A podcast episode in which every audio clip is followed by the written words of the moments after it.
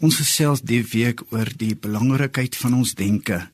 Salomo skryf in Spreuke 4 vers 23. Hy sê: "’n Mens moet versigtig wees wat jy dink, want jou gedagtes kan jou lewe ingrypend verander." Dis baie belangrik dat ek en jy net vir 'n oomblik hierby sal stil staan.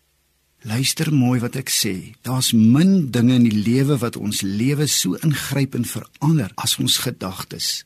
En as dit dan so belangrik is, kom ek en jy maak erns vandag. Kom ek vat dit soos volg saam.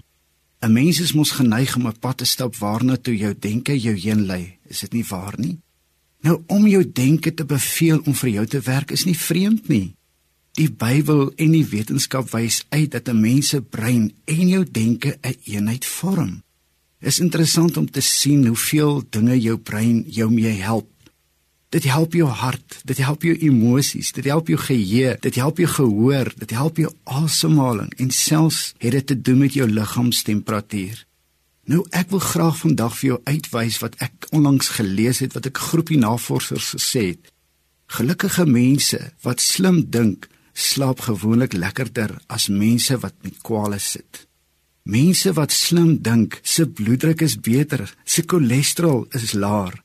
Geen wonder dat Salomo ons in Spreuke 4 aanmoedig en sê: "Kom aan mense, wees versigtig wat julle dink, want julle gedagtes gaan julle lewe ingrypend verander." Ek leer hier uit dat ons gedagtes is baie gevaarlik, want jy sien ons glo goed op grond van die inligting wat ons in ons brein stoor. Ons het nou gister gehoor ons moet leer om positief te dink en dit is mos nie te vergesog nie. Ons lees daar Numeri 13 van 'n Josua en 'n Caleb Hulle het deur hulle lewens uitkyk, gewellige voordele beleef net omdat hulle besluit het hulle gaan positief dink want hulle het geweet God is aan hulle kant. En ja, alhoewel al die ander spioene gesê het dis nie 'n goeie ding om die beloofde land Kanaan in te neem nie, het Josua en Caleb nog steeds bly glo dit is 'n goeie ding. En daarvoor is hulle beloon. So iets wat ek en jy vandag in gedagte kan hou, is wanneer ons positief glo, wanneer ons positief dink, gaan ek en jy beloon word. Ja, dalk nog vandag, miskien môre, maar miskien dalk nie gou nie, maar weet een of ander tyd gaan jou positiwiteit beloon word.